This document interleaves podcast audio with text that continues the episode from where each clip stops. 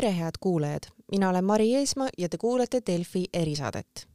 täna räägime loomade, täpsemalt kiskjate kaitsest. nimelt valmistab praegu Keskkonnaamet ette järgmiseks kümneks aastaks suurkiskjate ehk hundi, ilvese ja pruunkaru kaitse ja ohjamise tegevuskava. MTÜ Eesti Suurkiskjad tunneb aga muret selle pärast, et kiskjatele, eelkõige karudele, võidakse uue kava raames liialt haiget teha nende arvukust kriitilise piirini vähendada. keskkonnaamet ei näe aga muretsemiseks põhjust. et asja paremini selgitada, palusin tänasesse erisaatesse rääkima MTÜ Eesti Suurkiskjad juhatuse liikme Eleri Lopp-Valdmaa ja Keskkonnaametist peadirektori asetäitja eluslooduse valdkonnas Leelo Kuke esmalt kõneleb MTÜ Eesti Suurkiskjad juhatuse liige Eleri Lopp-Valdmaa no räägime sissejuhatuseks äh, lühidalt, äh, et äh, tavainimesed, kes selle teemaga igapäevaselt kursis ei ole, saaksid ka aru, millega täpsemalt tegu on, milleks on vaja seda suurkiskjate kaitse ja ohjamise tegevuskava? kuna suurkiskjad on Euroopa Liidu elupaiga direktiivi järgi esmatähtsad liigid kaitse all ja Eestil on äh, ka nii-öelda eriluba, eriluba neid küttida, siis selleks, et nende liikide seisund ei halveneks, oleks äh, soodne, et neid oleks meie metsades ka tulevikus, siis selleks peab äh, riik ette näitama, et ta, et tal on nagu läbimõeldud tegevuskava ja, ja et need liigid on siis äh, turvaliselt kaitstud no ma saan aru, et teie olete teinud äh, ka ettepanekuid selle järgmise kümne aasta kava väljatöötamiseks ja ettepanekutest te olete välja toonud, et selles kavas on üks oluline nõrkus, nimelt äh, hunte ja karusid võidakse üle küttida ja nii võib siis ka nende arvukus väheneda, et mi-, miks te arvate, et see võib juhtuda, mis tekitab teis sellist muret? jaa, et nagu ma juba ütlesin, et kuna Äh, suurkiskjad on siis äh, elupaiga direktiivi esmatähtsad liigid, siis nende kaitsele tuleb erilist tähelepanu pöörata. et selle küttimisele võib-olla ei peakski nii palju tähelepanu pöörama. ja kõnealust kava koostataksegi just selleks, et äh, nendel liikidel läheks hästi. ja eelkõige on eesmärk neid kaitsta ja, ja alles siis saame rääkida, kui tõesti vaja, ka küttimisest ja need kava, kavasse seatakse ka siis need eesmärgid, et kui palju meil neid liike võiks olla. aga minu hinnangul need on väga ettevaatamatud ja, ja nende numbrite algupära on raske kontrollida ja raskesti ka kontrollitavad. ja, ja need kavas välja toodud soodsa seisundi hinnangud sisaldavad, sisaldavad väga palju tinglikke väljendeid ja on kontrollimatud ja umbmäärased. ehk siis kokkuvõtvalt tegemata on teaduspõhised alusuuringud, mis äh, kinnitaksid, et just need seatud arvukuse määrad on piisavad, et tagada nende liikide jätkusuutlikkus ehk äh, tegelikult see, et nad tulevikus välja ei sureks või ohtu ei satuks. näiteks äh, kuidas garanteeritakse, et ka huntide ja karudega ei juhtuks nii, nagu ilvesega juhtus eelmise kava ajal. ja minu hinnangul see praegune kava just selle olulise nõrkuse tõttu ei kaitse piisavalt suurkiskjaid, vaid see keskendub äh, põhjenduste leidmisele, et miks neid küttida Te juba tõite välja siin äh, Ilvese, et äh, selgitage palun, mis siis selle Ilvesega eelmise kava jooksul juhtus? Mm. -hmm. Ilvesega juhtuski see, et äh, selle kava ajal Ilvese arvukus langes äh, oluliselt ja täna on Ilves ohustatud liik. tema arvukus pole tänaseni taastunud, kuigi kitsede arvukus on juba, juba mitmeid-mitmeid aastaid väga hea. keskkonnaamet toob põhjenduseks, et Ilvese arvukuse langus on seotud või oli seotud siis äh, kitsede arvukuse langusega. Äh, kui tegelikult äh, vaadata nende endi andmeid, siis ilvese arvukus hakkas langema juba palju varem. ilvese küttimismahud olid veel laes, kui kitsede arvukus oli tugevas languses. ja, ja lisaks, lisaks ilvestab ka jäneseid ja linde, et ei saa ainult kitsede arvukuses süüdistada ilvese langust, et näiteks äh, Keskkonnaagentuuri aruannetest tuleb välja, et veel viimase hetkeni, enne kui ilvese küttimine lõpetati, anti veel sümboolselt ilvese küttimiseks kakskümmend luba, et äh, et see ilvese seisundi drastiline halvenemine näitab selgelt, et see tegevuskava ei olnud piisav, et sellist olukorda vältida. ja, ja seega ei ole ka välistatud, et sama juhtuks ka karu ja hundiga selle kava ajal. ja arvestades ka seda, mis ei puuduta ainult ilvest, vaid ka, vaid ka eelkõige hunti, et täna ehitatakse piiritarasid ja kavandatakse suuri raudteeprojekte. see on väga oluliseks äh, nüansiks selle, selle asja juures, sest äh, hundid peavad olema avatud, et äh, nendel peab olema võimalus nii-öelda Venemaalt või ka Lätist tulevate loomadega suhtlemine või noh, geneetika vahetamine ja, ja see muudab olukorda veel äh, keerulisemaks ja, ja kümme aastat on pikk aeg ja, ja kui need äh, piirid ja, ja need raudteeprojektid peaksid käiku minema, siis äh, muutub see olukord veel riskantsemaks, et seda enam peame neid, neid arvukusi, hindamisi ja eesmärke võtma väga tõsiselt ja, ja ettevaatlus nii-öelda printsiipe arvesse võtma. Kas ma sain teist nüüd õigesti aru, et teil on äh, reaalne kartus, et järgmise kümne aasta jooksul, kui nüüd võetaksegi vastu see kava, mis praegu tegemisel on, võivad äh, huntidest ja karudest saada meil ohustatud liigid? tähendab, hunt on juba ohustatud liik, et, äh, et siin Maailma Looduskaitseorganisatsiooni kriteeriumite järgi hunt juba täna ongi ohustatud liik ehk siis me tegelikult noh, sisuliselt kütimegi ohustatud liiki hunte, nii et, et karu on küll äh, nii-öelda paremas seisus, et äh, karu ei ole ohustatud liik, kuigi Euroopa Liidu mm, nii-öelda nõudmiste järgi äh, peaks karu populatsioon kasvama nii palju, et ta laieneks siis nii-öelda Eestist siis edasi Läti ja Leedu ja nii edasi, et aga see, see see on nagu teine teema, et siin on vaja ka nii-öelda rahvusvahelisi tegevuskavasid, Balti riikide vahelist, omavahelist äh, väga tugevat rahvusvahelist koostööd, mida täna ju ei ole. sest et need liigid on ju noh, me ei saa võtta ainult ainult Eesti põhiselt, vaid me peame võtma nagu laiemalt, ehk siis Balti populatsiooni põhiselt. ja, ja see vastab nagu sellele küsimusele, et ma nagu ütlesingi, et et see ei ole nagu ju, ju välistatud, et äh, Ilvese olukord langes, et, et äh, me võime siin süüdistada mingit äh, force majeure'e ja nii edasi, aga, aga kõike seda see kava peabki arvesta, arvesse võtma, et noh, ma arvan, et kümme aastat tagasi me ei uskunud, et niimoodi Ilvesega läheb, aga näed, läks, on ju, et me, me, me ei tea, mis, mis, mis see, mis see piir, mis see turvaline piirväärtus nendel liikidel on, äh, selleks, et nad ei satuks äh, ohustatud liikide hulka karu puhul ja, ja hundi puhul siis, et veel rohkem ohustatud liigiks no tuleme korraks tagasi nende teie ettepanekute juurde, et eh, seal te ütlete, et karu praeguse populatsiooni juures ei ole täheldatud eh, selliseid olulisi majanduslikke või sotsiaalseid eh, kahjusid, et seda populatsiooni oleks vaja eriliselt kärpida. samas selles samas kavas on välja toodud, et karu tekitatud kahjustused on olnud Eestis seotud peamiselt mesilaste rüüstamisega kasvatamisega ja, ja kahe tuhande kahe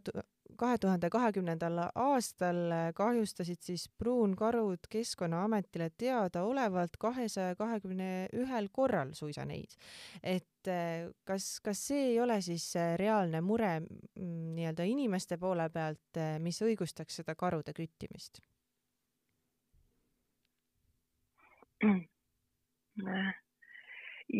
tähendab, need, need summad Äh,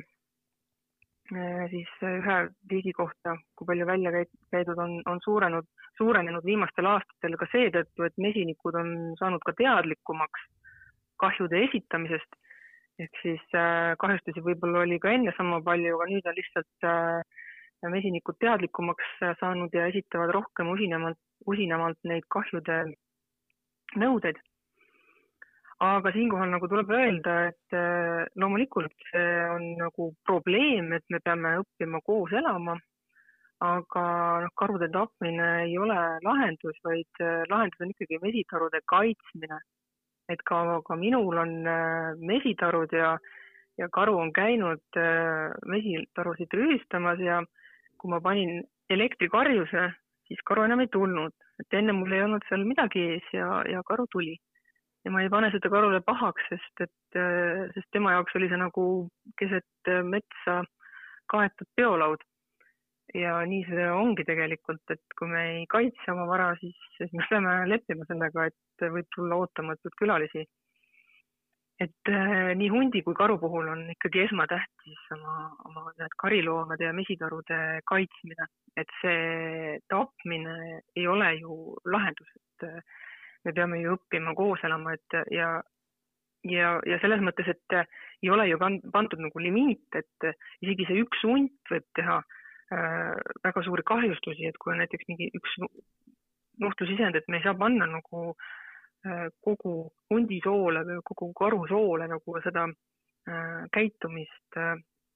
nii-öelda iseloomul, et nendele on see iseloomulik, et, et ei ole, et näiteks eelmine aasta ainult ühes maakonnas olid Raplamaal olid pooled kahjustused, et seal olid äh, siis millegipärast hundid hakanud rohkem kariloomi murdma ja, ja, ja, ja need hundid siis suutsid teha siis poole nendest kahjudest. ja, ja sama nagu mesitarudega, et kui viid need sinna vastutustundetult metsa ilma igasuguse kaitseta, siis noh, tänapäeval, täna makstakse tegelikult ju kinni see äh, väga suures summas Äh, mesinikele, aga kui sa ise oled nagu hooletu, siis noh, minu arvates on juba see tegelikult äh, noh, vastu, vastutustundetu. ja mis puudutab neid sotsiaalseid majanduslikke konflikte, siis äh, tegelikult ju Eestis mingeid tõendeid ei ole sellele, et et, et sellised konfliktid on talumatud praegusest kõrgemate arvukuste juures.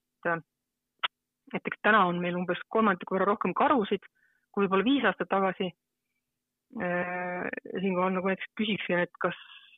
kas meie karude taluvus on kuidagi ületatud, et kas me nagu näiteks tavainimesena kuidagi tajume, et karusid on juurde tulnud või mm, ja noh, ja seejuures karude lihtsalt nägemine ju tegelikult endast ohtu ei kujuta, et karu tavaliselt jookseb minema, kui me karusid näeme.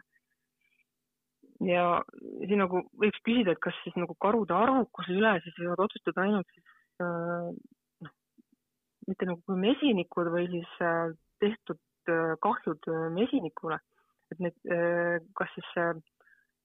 kas siis näiteks mina või, või ükskõik keegi tavainimene, kes, kellele karud kahjustusi ei tee, et, et võtame siis nende arvamus ka nagu arvesse, ehk siis tegelikult see sotsiaalne ja majandusliku konflikti väide on nõrk, et, et kas on tõendeid, et näiteks kümme lisahunti põhjustab sama konflikti või kakskümmend või viiskümmend ja nii edasi et äh, viimati isegi üheksakümnendatel oli hundi arvukus hinnanguliselt mitu korda kõrgem kui praegu, et et seda, seda sotsiaalmajanduslikku konflikti küsimust äh, peaks nagu rohkem ikkagi lahti analüüsima, sest et me ei saa ainult äh, mesinike ja, ja kariloomade kasvatajate pärast siis neid kiskjaid küttida, et et siin peab leidma mingi sellise ühtse arusaama selle, selles osas. ja, ja, ja siinkohal tooksin välja ka, et, et need suurkiskjad ei ole ju riigile ainult kulu, vaid ka tulu, et ma tean paljusid äh, ettevõtteid, mitte ainult Eestis, üle maailma, ka Eestis on neid, kes äh, pakuvad vaatlust, äh, vaatlusturismi, ilvesevaatlust ja, ja see teenib riigile tagasi tulu maksude näol. ja samamoodi on suurkiskjad tulu meie nagu vaimsele tervisele. et kindlasti paljudel on oluline, kui meie põlisasukatel läheb meie metsades hästi. näiteks Ameerikas tehakse endistele sõjaveteranidele karude retriite ehk siis äh, karusid vaadeldes saavad nad ravida oma psühholoogilisi probleeme ja, ja samuti võib mõelda, et kui loodusfotograaf teeb mõnest suurkiskjast pildi ja see saab suurt rahvusvahelist tähelepanu, siis see mõjutab ka riigi, see mõjub ka riigi mainele hästi. näiteks Läti on tegemas praegu kõva riiklikku turismikampaaniat, kasutades, kasutades selleks just ilvest. et nad, suurkiskjad kindlasti ei ole ainult nii-öelda majanduslikus mõttes ja sotsiaalses mõttes kulu, vaid kindlasti ka tulu. kui me nüüd püüaks lõpetuseks kokku võtta lühidalt, et mida siis teha, et karude üleküttimist vältida? mis on teie peamine soov? no tegelikult see küsimus on selline küttimispõhine, et, et küttimine iseenesest nende liikide puhul ei ole eesmärk. Nagu juba ütlesin, et tegemist on Euroopa Liidu elupaiga direktiivi esmatähtsad liigid, kelle kaitsele tuleb erilist tähelepanu pöörata, et küttimine ei ole kaitsetegevus. küt-, kiskjate puhul on küttimine õigustatud ainult nuhtlusisendite puhul ja, ja isegi isegi on, on olemas kohtulahendid, mis ütlevad, et isegi nuhtlusisendit ei tohi küttida, kui see liik võib sattuda selle pärast ohtu. ehk siis äh, minu kõige suurem soovitus ongi see, mida me, mida peab tegema, on äh, välja arvutada need turvalised piirväärtused. kui palju peab olema ühte või teist liiki, et nad ka tulevikus meie metsades elaksid.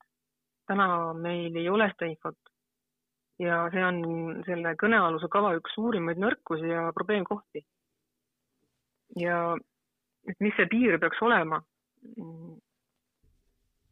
et seda, seda peakski hakkama uurima enne, kui neid liiki küttida. Kuna täna pole neid alusuuringuid,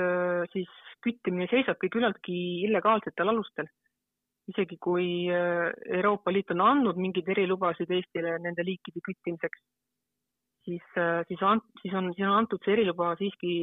eeldusel, et need liigid ei ole ohustatud ja kütitakse vaid nuhtlusisendeid, mitte tehta nagu lausküttimist, nagu praegult siin selle kavaga plaanitakse. Nüüd kuuleme aga selgitusi Leelo Kukelt, Keskkonnaameti peadirektori asetäitjalt eluslooduse valdkonnas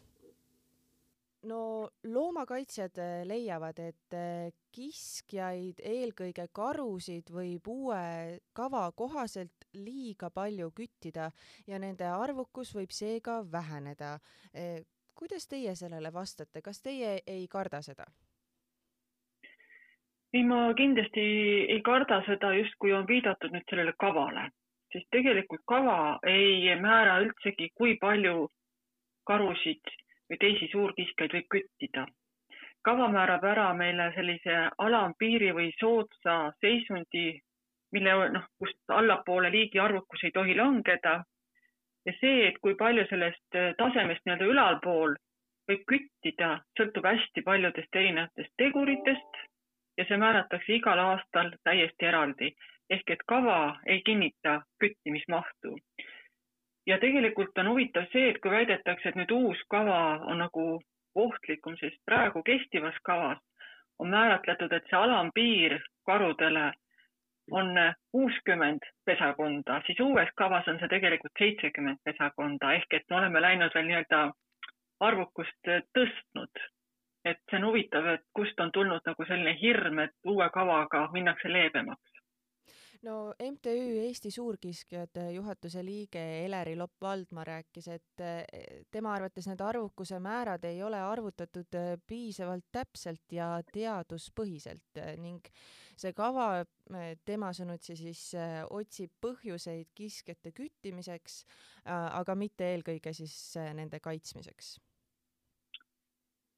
jah, me oleme tema neid äh, argumente kuulnud ja tegelikult mina julgen väita, et me oleme teinud selle kava oma parima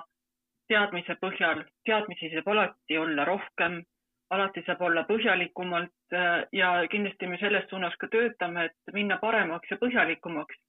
aga kui mõelda nüüd selle nagu, kuidas ma ütlen, ajaloo peale, kust me tuleme ja mida me oleme kasutanud ja millised on tulemused tegelikult, et kui mõelda, et karude arvukus oli kuuekümnendatel väga madal. oleme teda hakanud eh, teatud eh, hetkel kaitsma, hakanud rohkem eh, nii-öelda seiret tegema, uuringuid tegema ja karude arvukus on praegu peaaegu nii-öelda üheksasada, üheksasada viiskümmend. ehk et see arvukus on oluliselt tõusnud võrreldes mõnekümne aasta taguse ajaga. ehk et ma arvan, et see teadmine, mille põhjal me oleme toimetanud ja milline tulemus näitab, me pole valesti käitunud ja meil on piisavalt andmeid praegu olnud, et neid otsuseid teha nii et eh, teie ei karda seda, et eh, selle uue kavaga juhtub nii, nagu juhtus eelmise kavaga ilvestega, et eh, nendest sai ohustatud liik selle mm, eelmise kümne aasta jooksul siis? see, kuidas liiki veel ohustatust määratakse, on tegelikult täiesti teine lugu.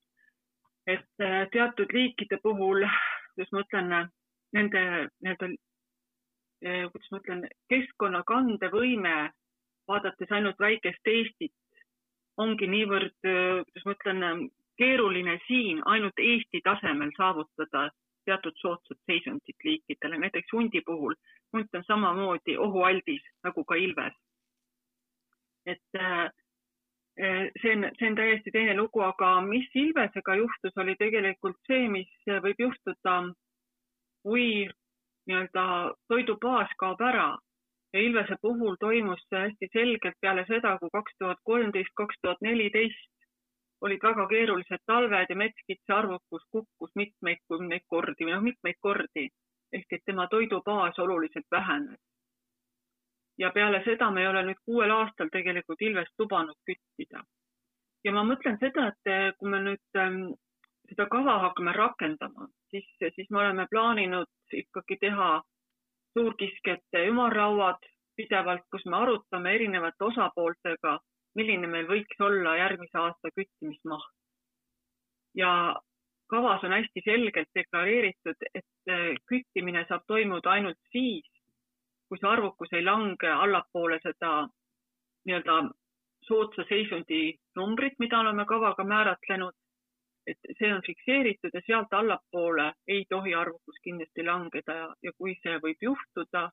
siis see võib juhtuda mitte küttimise, vaid ka näiteks täpselt selle toidubaasi ärakadumise tõttu, mis ilvesega on juhtunud kui me räägime nüüd korraks äh, ainuüksi karudest ja nende populatsioonist, siis äh, mida te arvate sellest, et äh, uus kava riivab mitte ainult nuhtlusisendeid, vaid tegelikult kogu karude populatsiooni? Jah, karu küttimise nii-öelda võimalus ongi eelkõige ikkagi tema arvukuse kontrolli all hoidmine, et tegelikult kahjustusi oleks vähem. sest kui me nüüd vaatame seda karude arvukuse tõusu, siis on ikkagi korrelatsioon ka kahjustuste tõusuga. ja, ja paraku on seal, kus on nii-öelda inimese ja karu teed ristuvad, et seal on nende kahjustuste tekkimise tõenäosus suurem ja ma möönan ka, et me alati ei saa kindlasti seda kurikaela kätte, kes on võib-olla nuhtlusisendiks kujunenud. aga tegelikult küttimine aitab nii-öelda arvukust hoida mingil teatud tasemel ja ta tegelikult tekitabki inimpelglikkust selles populatsioonis, mis nii-öelda võimaldab kahjustusi omakorda kontrolli all hoida. aga me oleme tegelikult juba mitmel aastal teinud niimoodi, et me ei anna korraga kogu küttimislimiiti välja. karujaht algab teatavasti oktoobris aga kahjustused tekivad veel ka augustis hakkab see küttimine, aga veel septembris, oktoobris tekivad kahjustused ja siis me suuname just nimelt need, need reservis hoitud load sellesse piirkonda, kus on kahjustused ehk et me lubadega reguleerime niimoodi, et me võimalikult sinna suunda liiguksime, et me saame, saaksime pihta nendele nuhtlusisenditele. aga sada protsenti tõesti karudel märki küljes ei ole, et, et see on nüüd konkreetselt see nuhtlusisend et ta võib mõnele teisele ka kindlasti nii-öelda pihta minna. ja samas Eleri Lopp-Valdmaa ütles selle peale, et et inimesed on lihtsalt saanud rohkem teadlikumaks sellest, et nende karude kahjustuste eest on võimalik siis toetust või sellist kinnimaksmist paluda, et kas te olete temaga nõus? Ja ma olen nõus ja tegelikult meie peame seda väga positiivseks, sellepärast et riigi poolt nii-öelda kas kahjustuste kompenseerimine või ennetuse kompenseerimine on kaks erinevat sellist meedet ja me kindlasti eelistaksime, et me ennetaksime nii-öelda kahjustuste teket. inimesed on hakanud seda rohkem küsima ja sellega tegelikult ma arvan, me hoiame paljud kahjustused ja ka konfliktid inimese ja suurkiske vahel ära sellepärast et äh, tihti ikkagi, kui sa nii-öelda maal toimetad ja, ja suurkiskjad hakkavad sulle seal nii-öelda probleeme tekitama, siis ega vimma on inimestel hästi palju nende vastu kuskil ja me ei tahaks, et see tekiks, et sellepärast me väga positiivselt näeme seda, et kui ennetustele küsitakse rohkem vahendeid. Selgitame siis tavakuulajatele ka, mida see ennetamine tähendab, kas peate silmas elektrikarjuseid või midagi sellist? Ja neid on erinevaid meetmeid, aga just nende karude puhul ongi seesama elektrikarjused, mida pannakse siis mesitarude ümber. huntide puhul me toetame ka kiskjatõrjeaedasid, mis on palju suuremad ja massiivsemad, et saaksid nii-öelda lambaid pidada, et, et neid ennetusvahendeid on sõltuvalt loomaliigist erinevaid. aga kui, kui suureks probleemiks on ähm, kujunenud see, et karud jõuavad äh, linnaruumi, et üks asi on see, et kuskil metsas või talukohas on mesitarud ja karu nii-öelda oma loomulikul teekonnal jõuab sinna, aga me oleme nä näinud uudiseid, kuidas isegi Viimsis äh, on karud äh, noh, ringi jalutanud, et, et kui suureks probleemiks see on kujunemas ja see on ka tegelikult ikkagi korrelatsioonis arvukuse tõusuga, sellepärast et kui nii-öelda need noorekesed peavad oma koha kuskil leidma, siis nad ähm, noorest peast tihti satuvad kasulate lähedusse. ja ma arvan, et nüüd viimasel viiel-neljal aastal on meil iga aastal ikka paar-kolm juhtumit, kus antakse teada, et on olemas nii-öelda nuhtlusisendid asulate lähedal, kes ei taha sealt kuidagi ära minna ja tekitavad probleeme ja ja üks meie hästi oluline sõnum selle juures on see, et, et tegelikult inimesed peavad väga ise jälgima, et nad ei jätaks kuhugi toidujäätmed laokile, sest need noorekesed veel võib-olla ei oska hästi toitu kätte saada, tulevad, vaatavad, mis lihtsamini kättesaadav on. et see on hästi oluline, et me neid ei meelitaks nii-öelda nende asjadega jääma inimeste lähedusse, aga jah, need konfliktid, kuidas ma ütlen, konfliktid või inimestepoolne ma ütlen, tähelepanu ja sellele juhtimine, see on tõesti suurenenud viimastel aastatel. ja lõpetuseks kokkuvõtteks, kas te siis julgete väita, et selle järgmise kümne aasta jooksul kehtiva kava ajal e, ei pea kartma sellepärast, et karude arvukus nüüd e, nii palju väheneks, et, et nad saavad ohustatud liigiks? Ma vaadates seda praegu, kuidas me oleme koostööd teinud ja seda kava koostöös erinevate huvirühmadega teinud ja vaadates praegust karu arvukust ja, ja ühiskonna suhtumist kindlasti ma loodan väga, et me sinna ei jõua ja tegelikult see sõltub meie iga-aastastest otsustest, mida me hakkame tegema. kava iseenesest annab hea baasi selleks, et ta on nii-öelda ohuvälises seisundis ja meie iga-aastased otsused peavad seda tagama, jah head kuulajad, selline sai tänane Delfi erisaade, aitäh, et kuulasite ja kuulmiseni!